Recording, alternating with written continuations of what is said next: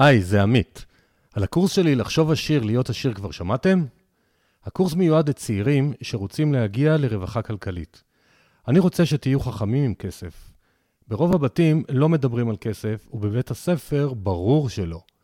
בקורס יש שישה שיעורים פרקטיים על כל מה שצריך לדעת בעולם הכסף, כולל mindset שמסביר למה עושר זו לא מילה גסה. בניית תקציב בפלוס לתמיד.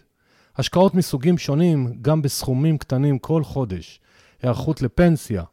ודברים חשובים נוספים כמו הבנת תלוש השכר, פתיחת תיק עוסק ועוד ועוד ועוד. זהו הקורס ההוליסטי היחידי בעולם הכסף, שנותן כלים פרקטיים לחיי רווחה כלכלית, במילים פשוטות וללא נוסחאות. בואו להתחבר לכסף בדרך הישירה והאמינה שלי. מזמין אתכם להכיר ולהירשם באתר www.2invest.co.il/עוד.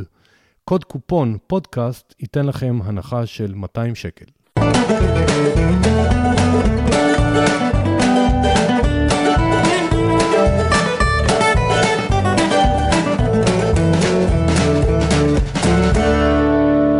שלום לכולם, כאן עמית, ברוכים הבאים לפרק מספר 51.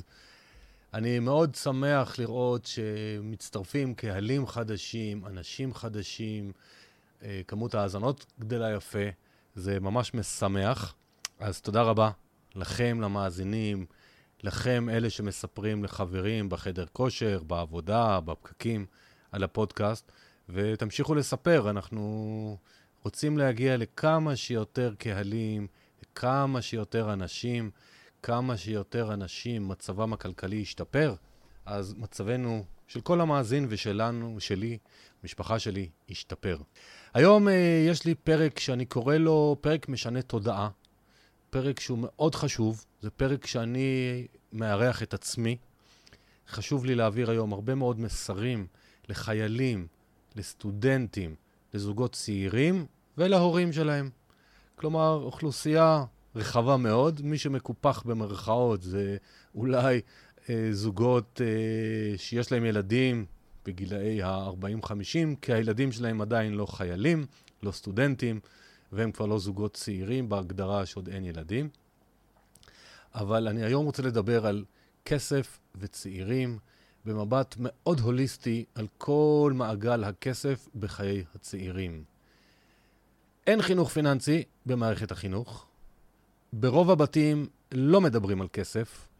אז באמת, איך בעצם אתם, החיילים, סטודנטים, זוגות צעירים, אה, וההורים שלכם, שאתם ההורים רוצים שלילדים יהיה טוב, איך באמת אתם תדעו להתנהל עם כסף? למה בעצם שתצליחו כלכלית בלי ידע? ומניסיון שלי אני יודע שחבל מאוד על טעויות שסתם ניתן להימנע מהן. אני אוהב שאנשים עושים טעויות, אני חושב שלומדים מטעויות, אבל כל טעות קודם כל כדאי לעשות רק פעם אחת. דבר שני, יש טעויות שהן יקרות מדי כלכלית ונפשית, אז כדאי להימנע מהן. ועל זה בעצם אני רוצה קצת לדבר היום. אני יודע שאולי בלב חלק מהאנשים אומרים, רגע, מה, מה הוא מבין כבר בכלל בצעירים? פתח סוגריים, אני הרי כל כך משתף בחיים שלי, אז uh, מי שלא יודע, אני יותר קרוב לגיל 60 מלגיל 30. אני מקליט גם את הפרק בסוף חודש אוקטובר 2020, אין לי מושג מתי הם תשמעו אותו. אז אני אגיד לכם למה אני מבין בצעירים ובצרכים שלכם. קודם כל, הייתי פעם צעיר, ואני יודע איזה טעויות עשיתי. דבר שני, יש לי לשמחתי הרבה מאוד פניות, הרבה מאוד אה, הערות בעין ובאלף מצעירים, גם באים לייעוץ, גם שולחים לי מיילים ומסנג'ר, אה, קונים קורסים שלי. זאת אומרת, אני רואה מה הצעירים צריכים, אבל יותר מכך, יש לי גם שלושה ילדים שהם אחרי צבא, ובאמת בתקופה האחרונה בעצם לכל אחד היה דילמות. בת אחת עברה לגור בדירת שותפים כי היא התחילה ללמוד, אה, דירת סטודנטים, למרות תקופת הזום, החליטה לקחת דירה. אז בעיות ואתגרים של סטודנטים מוכרים היטב. בן אחר אה, נכנסו בו ברכב, ואז הרכב שלו הלך טוטל לוסט, והיה צריך לקנות רכב חדש, נושא שמעסיק רבים מהצעירים, רכב. ובן נוסף עובד בהייטק, וסוף כל סוף יש כסף פנוי, וצריך להתחיל לראות איפה להשקיע ואיך להשקיע. אז למרות שבבית אה, אנחנו מדברים על כסף, ניסיתי מגיל צעיר לדבר עם הילדים בצורה מאוד פתוחה, אה, עדיין יש דילמות שהם רואים מקרוב, צריכים לקבל החלטות לבד, ואני רוצה לשתף אתכם באיך אני רואה את הדברים בעולם הכסף של צעירים. אה, החלטתי גם להכין קורס שייתן את מעגל הכסף של החיים. זה קורס שיעזור לכולם להבין אחת ולתמיד איך הכסף עובד. ובעצם היום בפודקאסט אני אדבר כאילו על הקורס בראשי הפרקים שלו, ואני אציע בסוף למי שרוצה להצטרף, כמובן במחיר מטבה למאזינים, אבל גם מי שלא ירכוש את הקורס זה בסדר גמור. הפודקאסט ייתן לכם מלא מלא מלא כיווני מחשבה וערך הפרק הזה. אני אגיד לכם שהרבה פעמים משווקי קורסים דיגיטליים וזה, באים כאילו בעולם התוכן שלי, אומרים לי, תשמע עמית, אתה תמיד מנסה להתחכם ולהסתבך. אתה, איך תסביר מה התועלת בקורס? מה, תגיד להם, אתם תדעו איך להתנהל בכסף? הרי אם מישהו רוצה לדעת מה זה פנסיה, הוא ילך לפייסבוק או ליוטיוב ויכתוב פנסיה, ויבוא מישהו שרוצה להבין איך משקיעים בנדל"ן או פותחים עסק, הוא יראה תשובה, ואתה חייב לתת איזושהי תועלת ברורה, צרה, כדי שיהיה אפשר אה, למכור את הקורס טוב. ואני אומר לא. אני אומר, וזה לדעתי משהו שמוביל אותי כל החיים, ואני מציע לכל אחד מהמאזינים לעשות, תלכו תמיד עם האמת שלכם. גם אם אני אמכור פחות, וגם אם אני הייתי בחיים צריך להתפשר על דברים, תמיד, תמיד, תמיד הלכתי עם הלב שלי, ישנתי רגוע, ועשיתי מה שאני מרגיש לי נכון. זה לא אומר לא להקשיב, זה לא אומר להיות אטום, זה לא אומר לא לשנות את הדעות, אבל יש מחירים לזה שהולכים עם הלב, אבל הרווח הוא תמיד גדול יותר מההפסד, ותעשו את זה. אז אני החלטתי כן לעשות קורס שמקיף את כל עולם הכסף, כי אני לא מכיר דבר כזה. אני מכיר קורסים נקודתיים בהמון נושאים, כלכלת משפחה, ונדל"ן, ושוק ההון, ומשכנתאות, ו... בפנסיה זה יותר מסובך, זה רק מי שרוצה רישיון. ואחת הבעיות, כשאתם נכנסים לקבוצת פייסבוק או מחפשים משהו ביוטיוב, הוא לא סדרתי, הוא לא תהליכי, לא ברור מי כתב את ההמלצה, ונגיד שזה באמת מומחה, אז הוא ענה באיזושהי זווית מאוד נקודתית, ואני אנסה היום בפרק לתת באמת את התמונה המלאה, אה, 360 מעלות כמו שאני קורא לזה, כדי שתצליחו. זו המטרה בסוף, מה אנחנו רוצים? באנו לעולם ליהנות, וכסף מאפשר את זה. אז אני רוצה להתחיל בהצעה, סלש בקשה, לכל מאזין, וזה יישמע לכם אולי מוזר, אבל אני מאוד מאוד ממליץ לסלוח, לסלוח להורים בלב על זה שהם לא לימדו אתכם. אני פוגש הרבה מאוד אה, אנשים, גם מבוגרים, כדרך אגב, לא רק צעירים, שאומרים לי, אה, למה ההורים שלי לא לימדו אותי, ולמה הם לא הסבירו לי, ואני יצאתי לעולם העצמאות שלי, וכמה טעויות עשיתי, ואם היו מלמדים אותי, אז לא הייתי עושה כל כך הרבה טעויות, וממש כועסים ומתרכזים. ואני אומר, לא, תבקשו סליחה בלב שאתם בכלל כעסתם, כי התשובה הפשוטה היא, הם פשוט לא ידעו. גם אותם לא לימדו, גם הם התקדמו בניסוי וטעייה, והם ניסו את הכי טוב עבורכם. עכשיו, אני אומר את זה גם כהורה לילדים, וגם כאחד שבעבר גם חשבתי למה לא הסבירו לי, למה לא אמרו לי. עכשיו, להתלונן זה סבבה, אבל זה לא עוזר כלום. וזה להפך, זה מכניס לתסכולים. ויש הורים גם, ויש בתים, שלא מדברים בשקיפות על כסף, כי הם קיבלו חינוך שאף אחד לא צריך לדעת, זה לא העסק של אף אחד. הדור של הסטודנטים, צעירים, חיילים, זוגות צעירים, אתם כבר דור אחר, אצלכם הכל יותר שקוף. יש מידע היום, יש אינטרנט, בזמננו לא היה.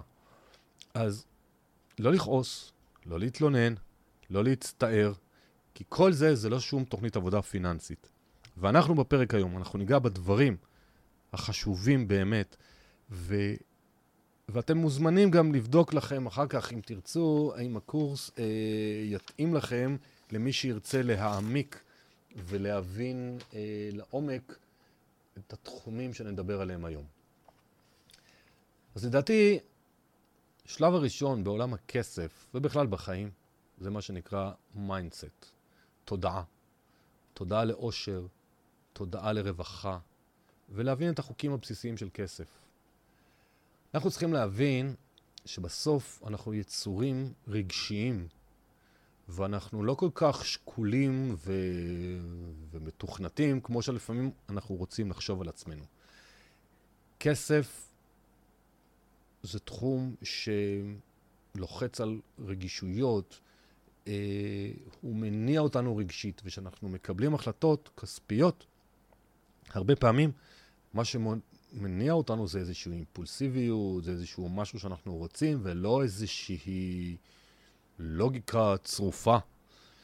ויש דוגמה שאני נורא נורא אוהב לתת, בהרצאות פרונטליות זה הרבה יותר קל, אבל מי, מי יודע מתי יהיה עוד פעם הרצאות פרונטליות, אז אנחנו נעשה שעור בדמיון. השאלה, תדמיינו לעצמכם שיש זכייה של מפעל הפיס, וחישגד, מפעל הפיס, ואני רוצה לשאול אתכם, מי יותר שמח?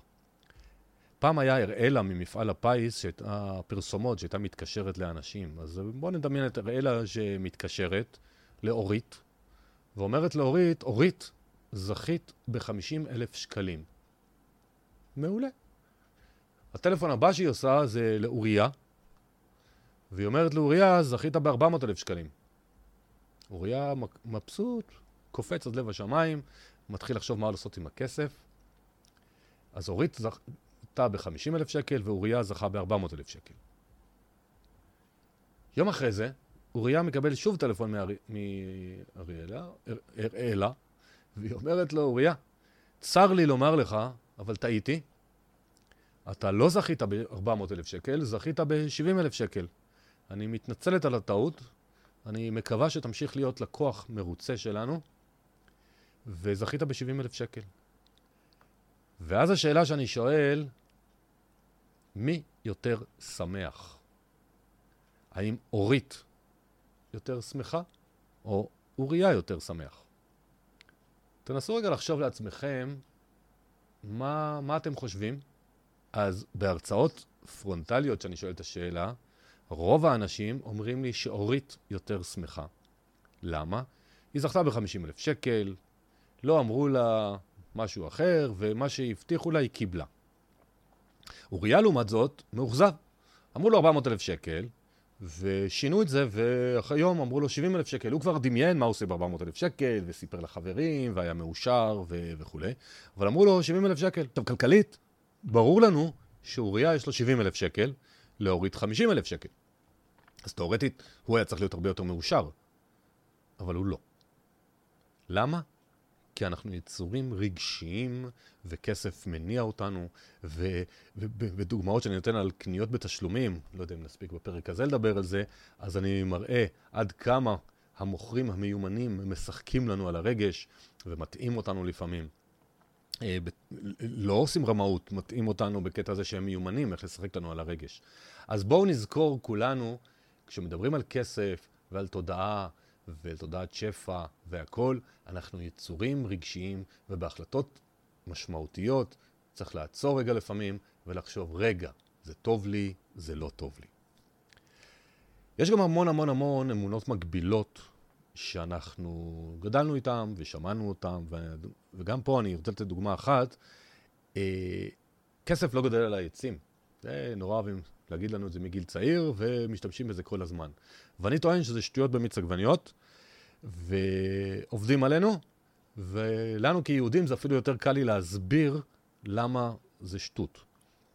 לנו ביהודים, יש לנו את חג הט"ו בשבט, וכשהיינו בבית ספר ובגן, אמרו לנו לשתול שתיל, להשקות אותו, ובעוד 20 שנה לבוא לראות איזה עץ יפה גדל איפה ששתלנו.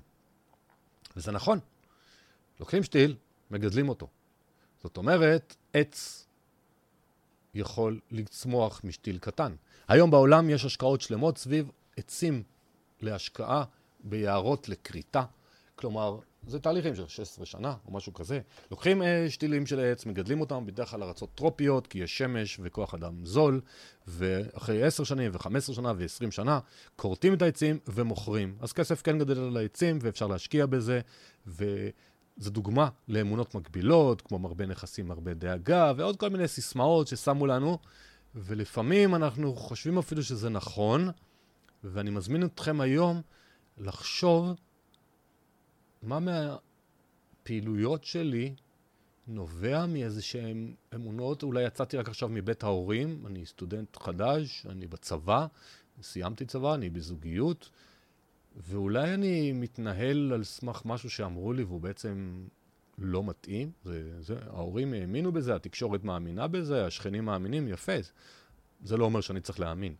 כי אני מזמין אתכם לחשוב על עוד, אני מחש... מזמין אתכם לחשוב אה, כשאני אהיה עשיר, אני אוכל לעזור לרבים. כי תדמיינו שיש לכם הון אה, עשרה מיליון דולר או מאה מיליון דולר, ועשרה אחוז מזה אתם תחליטו לעזור. אז אם יש לכם עשרה מיליון דולר, ואתם במיליון דולר בשנה, תוכלו לתרום, להקים מרכזי תמיכה, כל אחד בתחום שהוא אוהב. אה, לא יודע, כל אחד שיעשה עם הכסף מה שהוא רוצה. ברור שתוכלו לעזור הרבה יותר כשתהיו עשירים, מאשר אה, אחד שבקושי גומר את החודש, אז הוא תורם 20-30 שקלים בחודש מהמעט שיש לו, כי זה מה שהוא יכול לתת, וזה חשוב לו להיות בנתינה, ואני מאוד שמח שאנשים בנתינה, אבל אם תהיו עשירים, הנתינה תוכל לגדול. זאת אומרת, הסיפור הזה שלפעמים אנשים אומרים, אה, אם אני אהיה עשיר, אז... אז. ומסתכלים על זה במקום השלילי, אני מזמין אתכם להיות עשירים, ולחשוב על זה מהמקום החיובי. ואז כשאנחנו מסכימים, ואני מקווה שאנחנו מסכימים, שלהיות עשיר זה טוב, ושיהיה הרבה כסף זה טוב, מגיע השלב באמת הראשון בעולם ניהול הכסף והתייחסות לכסף, וזה להגדיר איזה שהן מטרות. כי כשיהיה לנו מטרות פיננסיות, אנחנו נדע מה התוכנית עבודה שלנו, נדע לאן לשאוף. עכשיו, מטרות אני אתן פה כמה דוגמאות, אבל uh, כל אחד יש לו את המטרות שלו. יש כאלה שאומרים, אני רוצה עד גיל 45 uh, אה, לפרוש, או להיות בעל הון של 3 מיליון שקל, או 5 מיליון שקל. זה כמובן מיד מגדיר כמה כסף צריך לחסוך כל חודש, באיזה תשואה ממוצעת שנתית, כדי להגיע לזה. יש כאלה שאומרים, אני רוצה תוך שנתיים שיהיה לי לפחות 7,000 שקל הכנסה פסיבית שלא מעבודה. מעולה. אז צריך למצוא מקורות הכנסה כאלה, לאו דווקא תלויי הון. אה, אולי אני אקים איזשהו בלוג שיניב לי, אולי אני אתחיל לעשות תוכניות אפיליאציה, אולי אני אעשה מסחר אה, דיגיטלי. כל אחד ימצא את המקום. יש כאלה שאומרים, אני, המטרה שלי, תוך ארבע שנים, שיהיו לי שתי דירות להשקעה בארץ, בחו"ל, לא משנה. אין בעיה. הגדרנו תחת זה מה המטרות שלנו. יכול להיות שהמטרה שלי זה ללמוד לנהל תקציב ולא להיות יותר במינוסים. הכל בסדר, הכל בסדר, הכל טוב, אבל כשאנחנו באים לנהל את עולם הפיננסי שלנו, את ההשקעות שלנו, את ההכנסות שלנו וההוצאות שלנו, מאוד מאוד מאוד כדאי שיהיה לנו איזושהי מטרה. ואחרי שיש לנו מטרה, אנחנו עוברים לשלב שמבחינתי הוא הבסיס, שזה תקציב בפלוס. מה הכוונה תקציב בפלוס?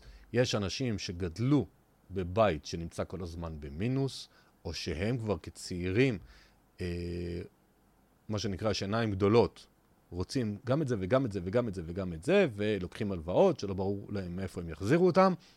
הם חיים, ב... חיים פעם אחת, ואני באתי לעולם ליהנות, ויהיה בסדר. אז אני חושב שזה לא שיטת עבודה. אני חושב שמינוס זאת אשליה.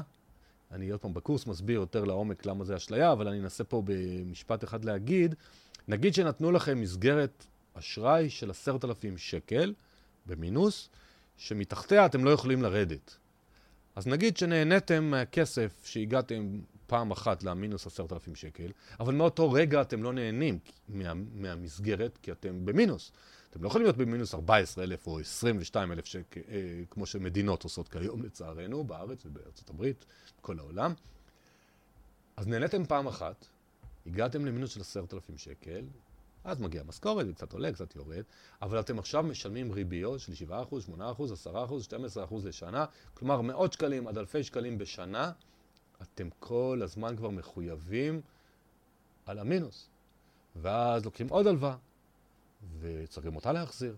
ולאט לאט התזרים מזומנים שלכם, במקום שישמש אתכם להשקעות ולצמיחה, הוא חלק גדול מדי ממנו הולך על החזר הלוואות. ומזה מאוד מאוד מאוד תיזהרו. צריך ללמוד לעשות תקציב, להבין מה ההכנסות שלנו, להבין מה ההוצאות שלנו, להבין מה ההוצאות הקבועות שלנו, מה ההוצאות המשתנות שלנו, ודרך זה לנהל את זה. וזה מוביל אותי לדבר שאני די שוטף את המוח איתו בכל מי שמקשיב לי, בכל לקוח, בכל הרצאה, בכל קורס, ולשמחתי אני רואה שכבר מתחילים לדבר על זה ברשתות, אז לא אומרים זכויות היוצרים, אבל זה בסדר גמור, העיקר שנדבר על זה כולנו. והדבר הזה הוא די לצמצום, בואו נדבר על עוד. השאלה היא מאוד פשוטה. תגידו, מה יותר קל, להגדיל הכנסות או לצמצם הוצאות? האמת, הרבה יותר קל לצמצם הוצאות מלהגדיל הכנסות. כי אז מחליטים, אה, נוסעים פחות, אוכלים פחות במסעדות, קונים פחות בגדים, אה, מבלים פחות, לא יודע, כל אחד, אה, נורא קל להחליט, אם אין ברירה, איפה לחסוך. יותר קשה להגדיל הכנסות. אבל השאלה היא, מה יותר חשוב, להגדיל הכנסות או להקטין הוצאות? פה כולכם תסכימו איתי, אני מקווה, שהרבה יותר חשוב זה להגדיל הכנסות. אז למה אנשים הולכים לקל? כי זה קל. לא כיף להתעסק בחשוב. ואני אומר, בואו נתמקד בעוד. הצמצום הוא סופי, כי בסוף צריך לאכול איפשהו, צריך לישון איפשהו, איזה שהם בגדים צריך, איזשהו אמצעי תחבורה צריך להגיע לעבודה או לאן שרוצים להגיע. זאת אומרת, אני יכול להקטין, להקטין, להקטין, להקטין, מסף מסוים אין לי איך להקטין. אבל אם אני אחשוב על עוד, ואם אני אמצא עוד ערוצי הכנסה, ועוד ערוצי הגדלת הכנסה, אז ככל שאני אייצר לעצמי יותר ערוצי הכנסה, אני פחות תלוי קודם כל בערוץ אחד, וב' אני לא צריך לחשוב על לצמצם. וכמובן אני נותן כל מיני דוגמאות בקורס ובעולם הזה, אבל באמת היום העולם הוא אינסופי באפשרויות, כי זה יכול להיות דרך האינטרנט, זה יכול להיות הגדלת הכנסות תלויות זמן, לא תלוית זמן, תלוית הון. יש, יש באמת אין סוף אפשרויות. כל אחד צריך לחפש מה מדבר אליו, מה הוא מעניין אותו, וללכת עם הלב, כמו שאמרתי בהתחלת הפרק. אה, תמיד צריך בסוף לעשות משהו שאוהבים, משהו מהלב, כי אחרת זה לא יחזיק אה, מעמד לאורך זמן. ובהמשך התקציב שדיברנו עליו, אנחנו צריכים להבין את סעיפי ההוצאות, כי יכול להיות שאתם עכשיו פעם ראשונה כסטודנטים חיים מחוץ לבית, יכול להיות שאתם זוג צעיר ופתאום פעם ראשונה מאחדים חשבונות וכל אחד בא עם הרגלים אחרים. תשבו, תראו על מה אתם מוציאים, תראו מה מקורות ההכנסה שלכם, ותראו איך זה מאוזן. עכשיו, אם זה לא מאוזן, וקשה לייצר עוד הכנסות, כי כרגע אתם אולי סטודנטים ואולי אין זמן וכולי, אז מאוד מאוד תיזהרו מהלוואות רעות מה זה אצלי הלוואה רעה? הלוואה שאתם תשתמשו בה נגיד לצריכה עכשיו לכמה ימים, כמה חודשים, אבל אתם לא יודעים איפה יבוא ההחזר.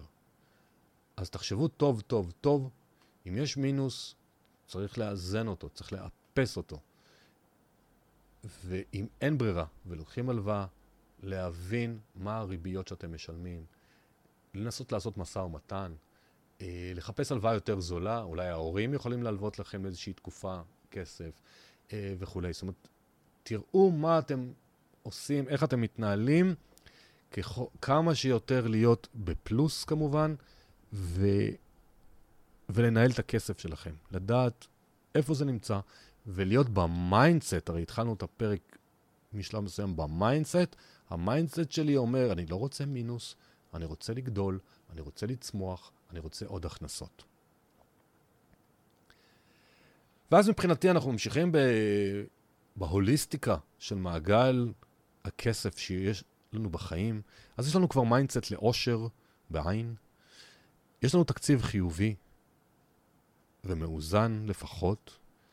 והשאלה הבאה, שהיא משמעותית לכל אחד, זה יאללה, איפה גרים? צריך לגור.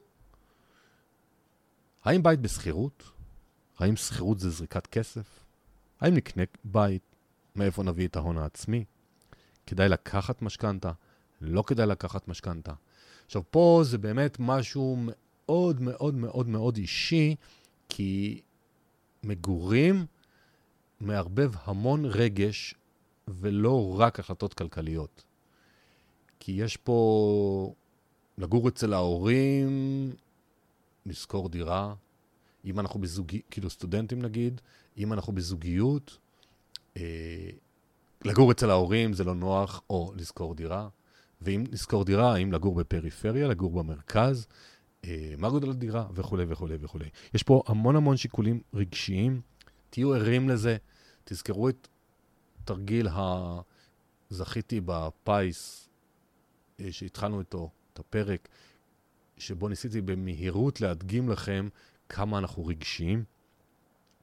ומי שמחליט לרכוש בית להשקעה או למגורים, זה לא כל כך משנה לי כרגע, תבינו את עולם המשכנתאות.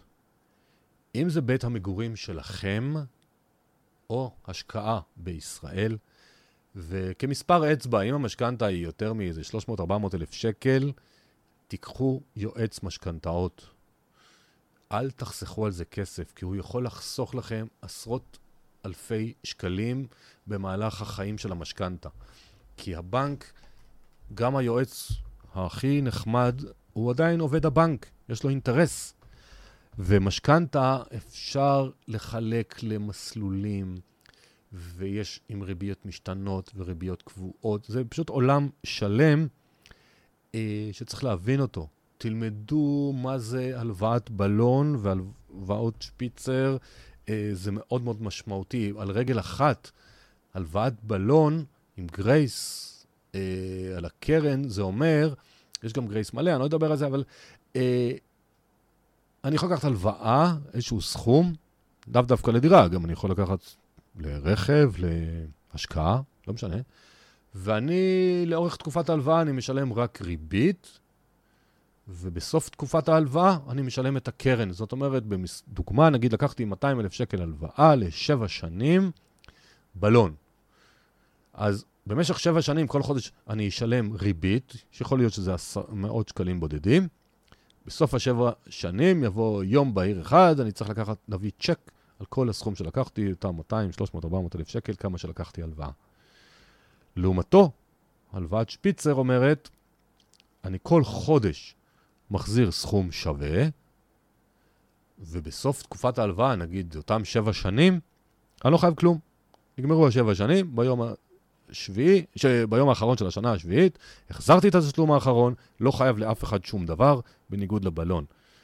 כלומר, תזרימית, אני מעמיס על עצמי יותר, בסוף תקופה אני לא חייב כלום. למי זה מתאים, למי זה מתאים, זה תלוי במצב התזרים, תלוי במטרת ההלוואה וכולי וכולי וכולי, זה נורא נורא אינדיבידואלי, אבל השאלה של איפה לגור היא באמת משמעותית, היא באמת ההוצאה הכי גדולה שיש לאדם כמעט בימי חייו. אמ, אז תחשבו טוב, תראו מה נכון לכם, ותעשו איזשהו שקלול בין רגש לכסף. ואחרי שהחלטנו איפה לגור, ויש לנו תקציב מאוזן, ויש לנו תודעת עושר, הגענו לשלב שאני כמובן הכי אוהב אותו, השקעות והגדלת הכנסות. לא סתם הפודקאסט נקרא כסף והשקעות, כי אני אוהב כסף ככלי בחיים, והשקעות כי זה כיף. אז זה אחלה נושא, יש בו מיליון ואחד אה, אפשרויות, אבל כמה דברים שנורא נורא נורא נורא חשובים לי לה, אה, להדגיש, וגם יש פרקים קודמים שדיברו על כל מיני השקעות עם כל מיני אנשים שראיינתי. פרק 20, עשיתי פרק אני על שוק ההון, דעתי עליו. אז קודם כל, תדעו שאפשר להתחיל להשקיע בכל סכום התחלה ממאות שקלים בודדים בחודש. יש לאנשים לפעמים סטיגמה שעד שאין מאות אלפים או לפחות עשרות אלפי שקלים, אין טעם להתחיל. לא נכון. תתחילו הכי מוקדם שאפשר, כי כל נושא האפקט של הריבית דריבית יעזור לכם. אז אפשר להתחיל. כסף מייצר כסף בכל סכום התחלה. בנוסף, תדעו שיש הרבה מאוד כלים אוטומטיים להתחיל להשקיע בהם בהוראת קבע, עוד פעם, ממאות שקלים עד אלפים ועשרות אלפים. אני לא אפרט כמובן היום, כי בחלק מהפרקים דיברנו, וגם בקורס אני מפרט על, עליהם ואני לא יכול כרגע, אבל דוגמאות לכלים אוטומטיים, זה יכול להיות הלוואות חברתיות, זה יכול להיות קרנות אה, סל מחכות, קרנות נאמנות דרך הבנק, זה יכול להיות פוליסות חיסכון או קופות גמל להשקעה. שם צריך להבין כמובן במה משקיעים, איזה מסלולים אנחנו אה, בוחרים. אבל אני פשוט רואה, הרבה פעמים באים אליי חבר'ה צעירים, ואני רואה, יש להם בעו"ש 50 אלף שקל, 70 אלף שקל. לפעמים, אם זה זוג אה, צעיר שרק התחתן, כבר יכול להיות גם 200 ו-300 אלף שקל שההורים או מהחתונה נשאר להם. וכשאני שואל אה, למה לא השקעתם, אמרו, התשובה היא מצד אחד לא יודעים איך להתחיל, והתשובה השנייה, מה, צריך יותר כסף, אין לנו אפילו איך להתחיל. אז זה לא מדויק. אה, ואם אתם חיילים שנכנסתם לקבע, ופתאום מצטבר, כל חודש יש עודף של 2,000-3,000 שקל, מגניב, נהדר. תתחילו להשקיע, ואם אתם זוג שעובדים ואין ילדים, יש לכם תוכניות לכסף, תנו לו לעבוד עבורכם. זה תמיד מה שאני אומר. אתם עובדים קשה עבור הכסף, תנו לכסף גם לעבוד קשה עבורכם.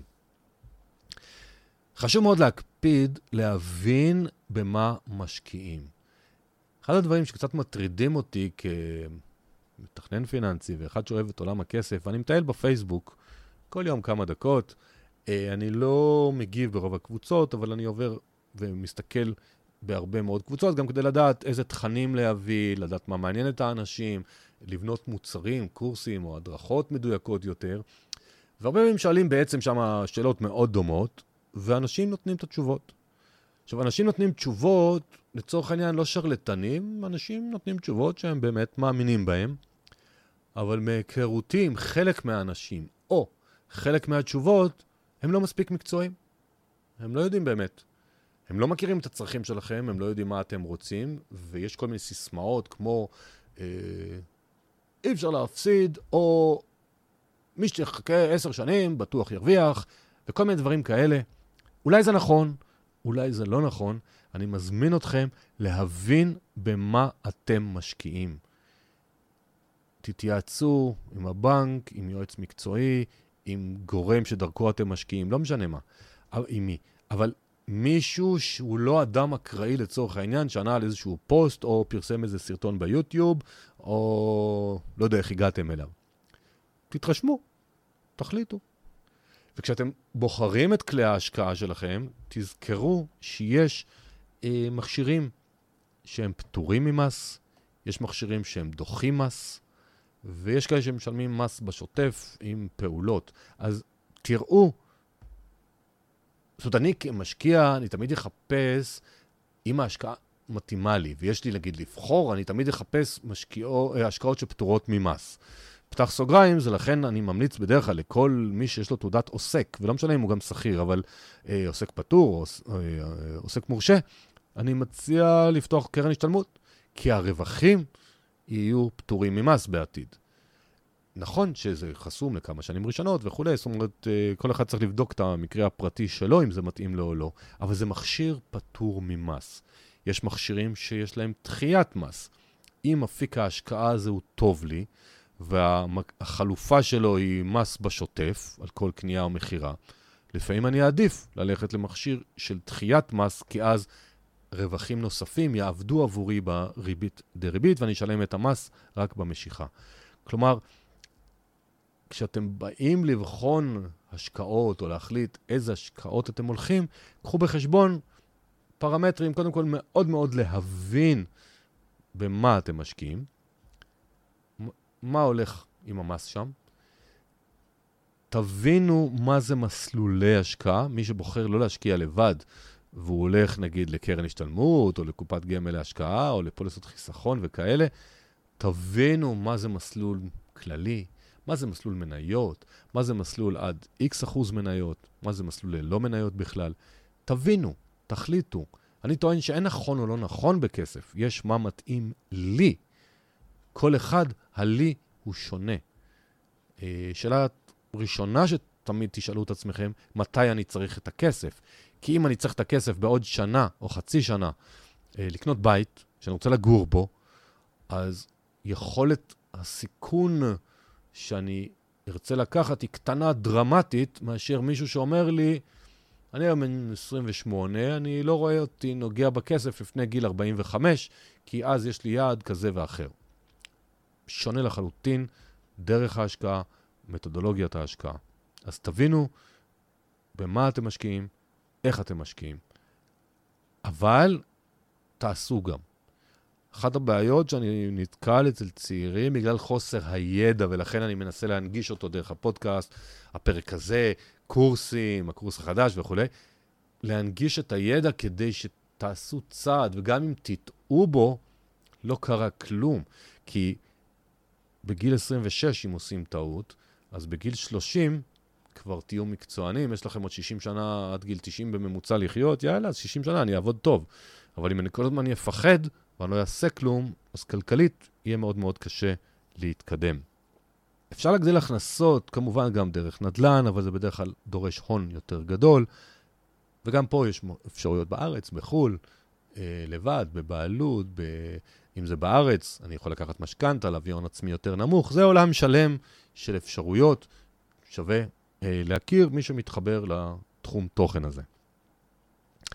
צריך לזכור שהגדלת הכנסות, כי אנחנו מבחינתי עכשיו בשלב של המעגל חיי הכסף, שזה השקעות והגדלת הכנסות, כמו שאמרתי קודם, הוא בהחלט גם יכול להיות בדרך של אני אהיה די ג'וב של שכיר, ואני אמצא גם עוד עבודה כפרילנסר.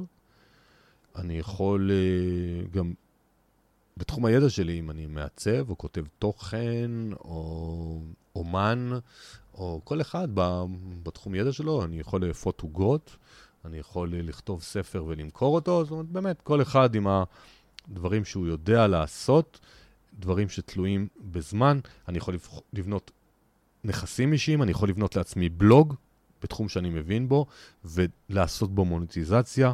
אני יכול לעשות קורסים דיגיטליים או הדרכות. אני יכול לעשות אולי הדרכות בזום, אז זה משהו בין נכס אישי לפרילנסר שמוכר שעות, אבל אני ממנף את הזמן שלי.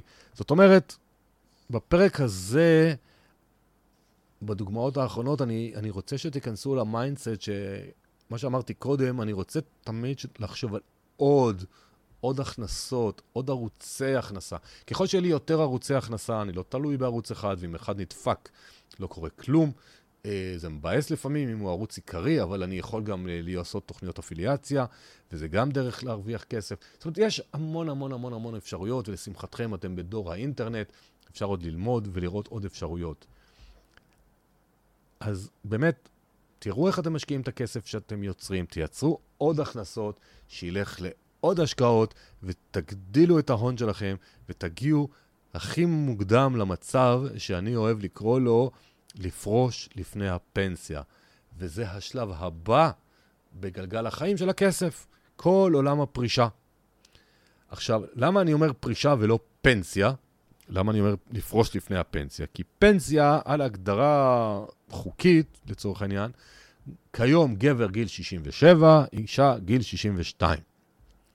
אבל כשאני אומר לפרוש לפני הפנסיה, אני אולי, חלק מהאנשים אולי ירצו להגיע לגיל 50 או 45 או 38 או לא משנה איזה גיל, ולהגיד, רגע, אני רוצה שיהיה לי מספיק כסף שאני אוכל להחליט אם אני ממשיך או ממשיכה לעבוד, או שאני אה, עובד חצי משרה, עובד פחות, עובד במה שמעניין אותי. אז אנחנו צריכים להתכונן לזה.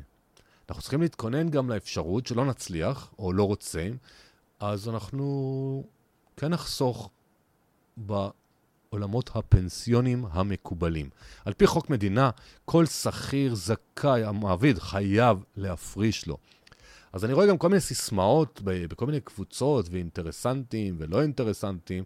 אה, הפנסיות לא ישלמו, תסמכו על זה, זה לא בסדר, הם מרמים אתכם, עובדים עליכם, וכולי וכולי וכולי. אז כמובן צריך להבין איפה הכסף נמצא, באיזה חברה, שהתשואות שלה סבירות, שדמי הניהול סבירים, אבל על פי חוק, גם עצמאים חייבים, אה, עוד לא התחילו לעקוף את זה, אבל בערך לפני שנתיים-שלוש, גם עצמאי חייב לחסוך בעולם הפנסיוני. אה, שכירים בוודאי שהמעביד חייב להפריש להם, וזה מצוין, כי זה בעצם עוד חלק מהשכר שלכם. זאת אומרת, אתם חייבים להבין מה זה קרן פנסיה.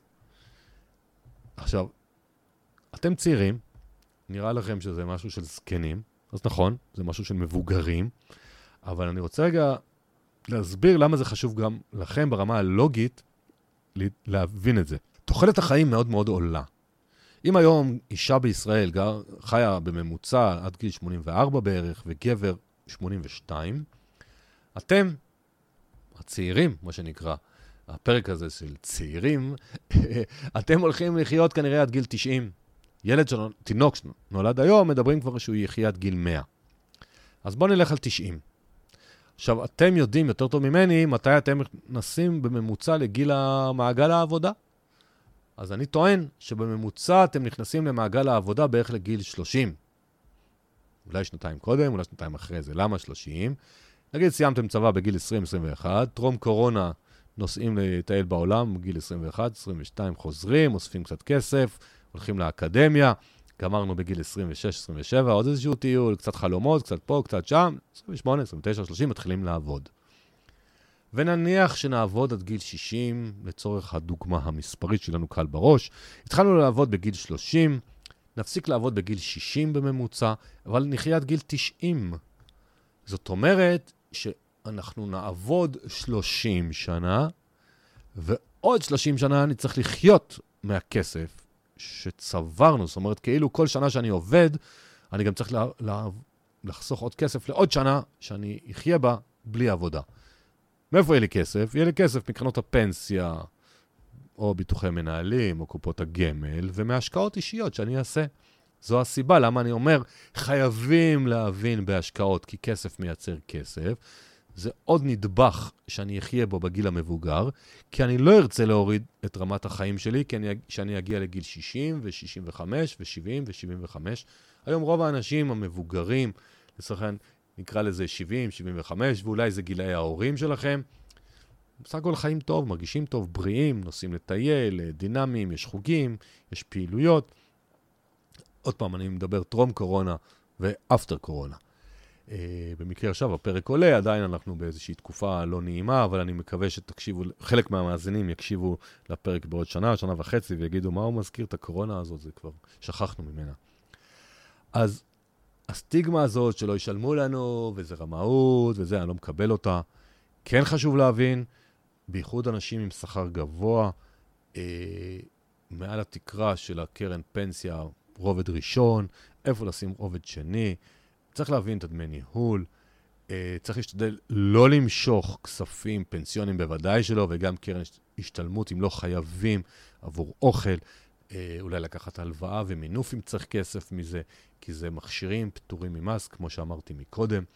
אבל עולם הפנסיוני זה חלק שייתן לנו אורך נשימה וחיים טובים בגיל המבוגר, ואני מזכיר שוב, על פי חוק, גם עצמאים חייבים להפקיד, ועצמאים, בו... אה, שכירים בוודאי שהמעביד משלם להם ומפריש להם. זאת אומרת, להגיד, אה, לא מאמין להם, זה רמאות, יעבדו עליכם, נחמד, טוב לפוסטים בפייסבוק.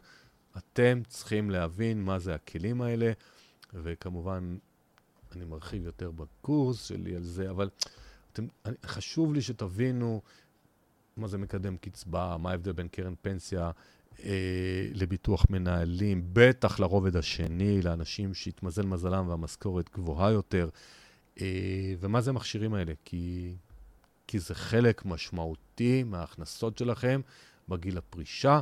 נכון שיש גם את המושג הזה, קצבת זקנה של ביטוח לאומי. אתם צעירים, אתם לא יודעים את המספרים, אני רק אגיד לכם, לא בטוח שתקבלו את זה בגיל 67 או 62 כאישה. כיום כולם מגיל 70 כן מקבלים את זה, אבל לזוג במצב הטוב זה כ-4,400 שקל. אז זה מגניב, זה נחמד, אבל זה לא סכום שאיתו אנחנו אה, נוכל לחיות לבד, וזה גם רק מגיל 70. ואתם צעירים, ואתם מקשיבים לפודקאסט שלי, אתם בטוח גם בעוד קבוצות פיננסיות, אתם אוהבים את העולם הזה, ואתם תגיעו עשירים ואתם תפרשו לפני הפנסיה. אני בטוח ומקווה. אה, עכשיו אנחנו מגיעים לחלק השישי והאחרון, שאני קורא לו מעגל הכסף בחיים שלי, ככה לפחות בקורס צעירים ועשירים, הגדרתי את זה. החלק השישי, זאת, הוא, הוא כאילו מוכל גם בחלקים האחרים, כי המעגל הכסף האמיתי זה mindset, זה תודעה, זה התקציב, זה לדעת איפה אני גר, זה להשקיע, זה לעשות היערכות לפרישה מוקדמת או לא מוקדמת בפנסיה. אבל בתוך זה מתחבאים עוד כמה דברים שאני רוצה קצת להזכיר היום, וזה מאוד מאוד רלוונטי לצעירים, אה, חיילים, סטודנטים, אה, זוגות צעירים שכבר עובדים במקום עבודה, אחרי האקדמיה, בלי אקדמיה, וגם עצמאים.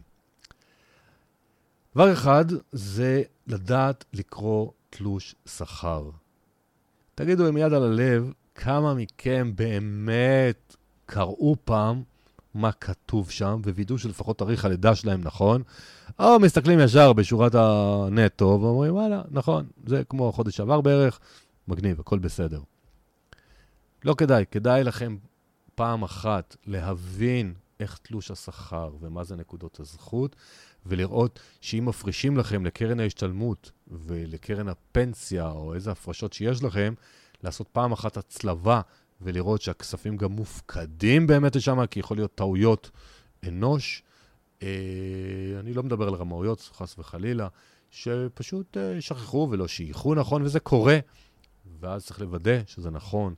לוודא שאם אתם למשל מורים ויש לכם גמול השתלמות, אז שהוא רשום נכון, כי זה הרבה כסף. כי דרך אגב, תלוש של מורים ושל אחיות, אה, צריך דוקטורט להבין אותו, וגם אז לא מבינים אותו. אבל רוב התלושים הם יותר uh, קריאים. Uh, אם, אם מגיע לכם איזה שהם הטבות, לראות שאתם מקבלים אותם, להשתדל להבין על איזה סכום יש לכם הפרשות פנסיוניות. זה דרמטי. אני רואה לפעמים תלושים, אדם מקבל נגיד 30 אלף שקל ברוטו, והוא מבסוט, יש לו 30 אלף שקל ברוטו, אבל בעצם ההפרשות הפנסיוניות הן רק על 20 אלף 130 אלף. כי המעביד אה, עוד עשרת אלפים שקל, מכניס בסעיפים שונים ומשונים על מנת לחסוך לעצמו הפרשות. אתכם זה לטווח ארוך, זה דופק אתכם כי יהיה לכם פחות כסף. אז תעשו לעצמכם טובה, לפחות פעם אחת תבינו איך לקרוא תלוש שכר, ואז תעשו מדגם פעם בחצי שנה, ותר לכם. אני מעדיף שכל חודש קצת תרפרפו, אבל לפחות, אה, האם קיבלתם הבראה פעם בשנה וכולי. אה, תבינו, תבינו את כל הסעיפים המשעממים במרכאות, אבל הם שווים המון כסף, בייחוד אם עושים טעויות, או אם תצליחו לשכנע את הבוס שלכם שלא רוצה לתת לכם העלאת שכר, אין בעיה, אבל תעשה לנו קרן השתלמות למי שאין. לפעמים הם מסכימים, ולכם זה יכול להיות שווה המון המון המון כסף בטווח רחוק. אז תבינו את תלוש השכר. עוד חלק חשוב מאוד בעולם הכסף זה הנושא של לפתוח תיק עוסק. וזה מדובר על שכירים, כי מי שכבר יש לו אז הוא עבר את זה. אה, גם אני פעם חששתי, אני עוסק עצמאי כ-12 שנים, הייתי שכיר המון שנים. אבל אני רואה היום שהעולם יותר הולך לדיי ג'וב וגם לעוד עבודה אחרת או הכנסות אחרות, מאפיליאציה, ממוצרים, מהרצאות, לא יודע, כל אחד עם ה... למכור מוצרים שהוא מייצר. אז קודם כל, על פי חוק, אתם חייבים לתת קבלה או חשבונית מס, אם יש לכם עוד הכנסות, ולדווח. אז קודם כל, שמי שלא עושה את זה, וגם אם אתם מקבלים משהו מפייפל בחוץ לארץ, על פי חוק חייבים לדווח. זה נתחיל בזה. דבר שני, אני צריך שאתם תבינו את העולם המושגים הזה, כי לפעמים אנחנו מפחדים מדברים שנראים לנו נורא מסובכים, ואנחנו לא מתקרבים אליהם, כמו השקעות למשל, כי זה נראה נורא מסובך, נורא מפחיד, אבל זה לא מפחיד, זה לא כזה מסובך, אפשר ללמוד את זה, זה לא... כל כך הרבה אנשים עושים את זה. למשל, יש את המושג הזה עוסק פטור. מעולה. אבל פטור ממה? אז עוסק פטור הוא פטור ממע"מ, וזה מיועד לבעלי הכנסות בערך נגיד עד 101 אלף שקל בשנה. אבל הוא לא פטור מביטוח לאומי למשל. אז הוא משלם גם ביטוח לאומי. אז עוסק פטור, פטור ממע"מ. וזה טוב, כי אז עוסק פטור מדווח פעם בשנה למס הכנסה, כי הוא לא צריך לדווח כל חודש, ואין לו כל חודש שצריך לדווח אה, עוסק מורשה עד היקף מכירות, אה, שזה רוב האנשים, העסקים הקטנים, אה, אז הוא מדווח פעם בחודשיים על עסקאות מע"מ וביטוח לאומי, זה, זה כל מיני דברים כאלה. אה, עוד פעם, זה משהו טכני שלא לפחד ממנו, להבין מה זה ביטוח לאומי, מה זה עוסק פטור. יש המון המון יתרונות, גם לשכירים, עשויים להיות יתרונות, לפתוח תיק עוסק. כי אתם גם יכולים לקבל עוד כסף, אתם גם יכולים אבל לדווח על ההוצאות שיש לכם בגין ייצור הכנסות, ואם יש לכם משרד בבית לצורך העניין, או הוצאות אה, משרדיות, אז אתם יכולים לדווח. זה יכול להקטין לכם את רמת המס שאתם משלמים, כי אז מגישים דוח מאוחד על הכנסות משכיר, הוצאות העסק. מומלץ להתייעץ עם רואה חשבון או יועץ מס כדי להבין את השיקולים של בעד ונגד, אבל אני כעיקרון בעד, למה? כי אני, מי שעוד לא שם לב, אני עושה שטיפת מוח, שאני רוצה שתעשו הגדלת הכנסות, ואז אם יש לכם עוד ערוצי הכנסה, אז החוק מדר... דורש לדווח עליהם, ואז עלינו לדווח עליהם ולהיות אזרחים שומרי חוק, והדרך היא להיות עוסק פטור, מורשה, זה כבר שיקולים מהלקוחות שלנו לאן אנחנו רוצים להגיע. אז אני ממש לקראת סוף uh, הפרק, ומה שניסיתי היום להציג לצעירים, שזה מבחינתי חיילים, סטודנטים, זוגות צעירים, להציג לכם את המבט ההוליסטי על עולם הכסף, להגיד לכם שאתם עוקבים אחרי קבוצות פייסבוק, אתם רואים הרצאות, אתם רואים זה מצוין, זה מבורך, אבל לרוב זה לא תהליכי. לרוב זה בנושא אחד ממוקד, שזה בסדר להעמיק בנושא שמעניין אתכם, אבל זה לא נותן לכם את הפריבילגיה לזלזל בלהבין מה זה העולם הפנסיוני, או לזלזל בקריאת תלוש השכר, או לזלזל בלהבין מה זה הלוואת אה, קבועה לא צמודה, או אה, צמודת פריים במשכנתאות וכולי וכולי וכולי. ניסיתי לעבור היום במהירות, עם דוגמאות בכל פרק, על מעגל ההוליסטי של הכסף, שזה mindset, שזה תודעת שפע.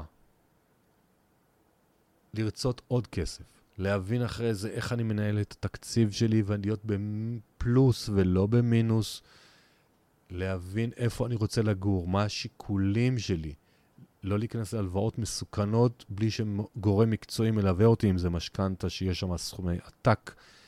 עברתי לנושא ההשקעות, הגדלת הכנסות, תמצאו את הדרכים, אבל לא לחכות למשהו שיקרה.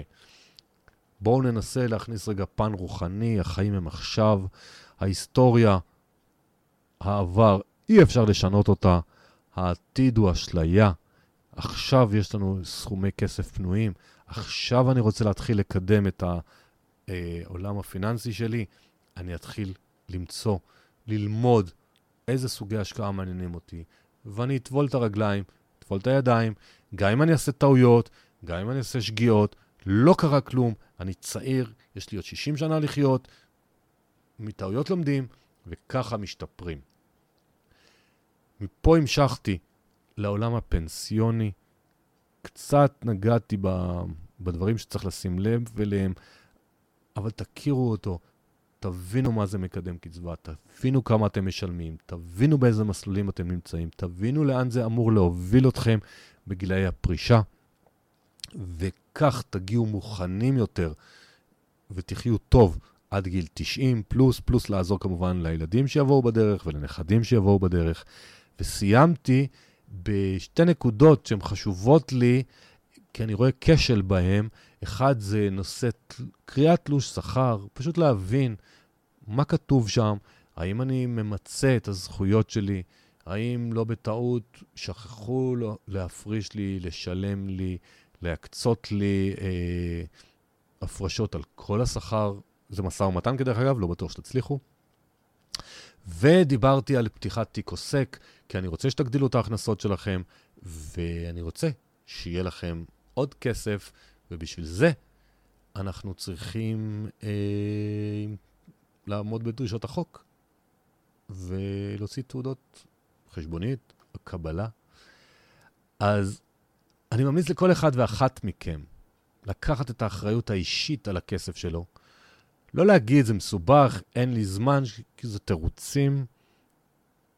אתם עשיתם דברים יותר מסובכים בחיים, וזמן זה בחירה.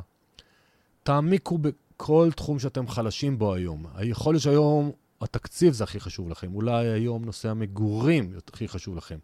אולי התחלתם עבודה חדשה ובא היועץ של המעביד ואומר לי, אה, תחתום, תחתום, תחתום, תחתום, ואני לא מבין על מה אני רוצה שאני אחתום, אה, ורוצה שנפתוח לי עוד אה, קרן פנסיה חדשה, אבל היה לי במקום הקודם, למה לפתוח חדשה? אולי זה מה שהיום כואב לכם. אולי עולם ההשקעות כואב לכם היום והגיע הזמן שתעמיקו בו. אז תחליטו איפה אתם מעמיקים. כסף מייצר כסף בכל סכום, וזה חשוב לזכור. בהמשך לקורס שהזכרתי במהלך הפרק, אני רוצה לתת uh, הצעה מיוחדת למאזינים. הקורס צעירים ועשירים בהנחה של 200 שקל בקופון פודקאסט באזור התשלום, תכתבו פודקאסט עם א' uh, ויהיה 200 שקל הנחה. אז מה זה הקורס? הקורס מורכב משישה שיעורים, סך הכל זה 10 שעות הדרכה. השיעורים זה מבוסס על מה שדיברתי גם היום בפרק, בעצם מעגל חיי הכסף של האדם מתודעה דרך תקציב אישי, נושא המגורים, שכירות, לא שכירות, משכנתאות, השקעות, היערכות לפרישה וכל מיני שאלות של החיים, כמו מה זה עוסק פטור ועוסק מורשה, ואיך קוראים תלוש שכר, והמון המון המון ידע פרקטי מהחיים. לאחר שמשלמים, מקבלים מיד אה, גישה לצפייה. כל שלושה ימים נפתח שיעור חדש. הסיבה שאני לא פותח את הכל ביחד זה כי אני מאמין שאם מקבלים המון מידע ביחד, אז uh, רוצים לדגום את הכל ולא מסתכלים על זה כמו שהייתי רוצה, בצורה יותר מעמיקה, ועושים את משימות הבית, כי אני נותן בכל פרק איזה שהן משימות שיעזרו לכם להתקדם. עכשיו, הידע שבקורס הוא כולו פרקטי מהניסיון שלי, גם כיועץ, גם כאבא לשלושה ילדים בטווחי הגיל הזה, ואני רואה את השאלות גם של אנשים בקבוצות פייסבוק אחרות.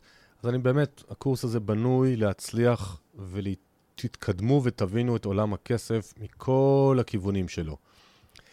לשמחתי היו גם כמה הורים שפנו אליי כבר ובבקשה לקנות את הקורס ל- לילדים שלהם במתנה. אז אם אתם צעירים, נתתי לכם רעיון מה לבקש מתנה מההורים. כהורה אני לפעמים רוצה לקנות משהו לילדים שלי ואין לי ממש רעיון מה, אה, שיהיה ממש פרקטי ולא איזה סתם משהו שישימו בצד או איזשהו אוכל. אז uh, רעיון.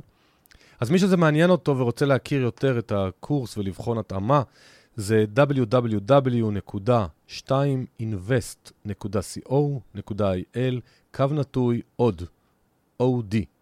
ותבדקו אם זה מתאים לכם. אם כן, תשימו את הקוד קופון פודקאסט, זה ייתן לכם 200 שקל הנחה.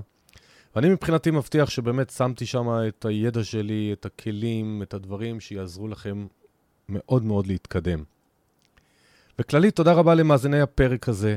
תודה שאתם ממשיכים ללוות אותי בפודקאסט. תודה שאתם מספרים עליו לאנשים, לחברים. ככה אני מקווה שנגיע לכל בית בישראל, וכולנו נצליח לשפר את מצבנו הכלכלי. זה יהיה טוב רק לכולנו. זה לא בא על חשבון אף אחד.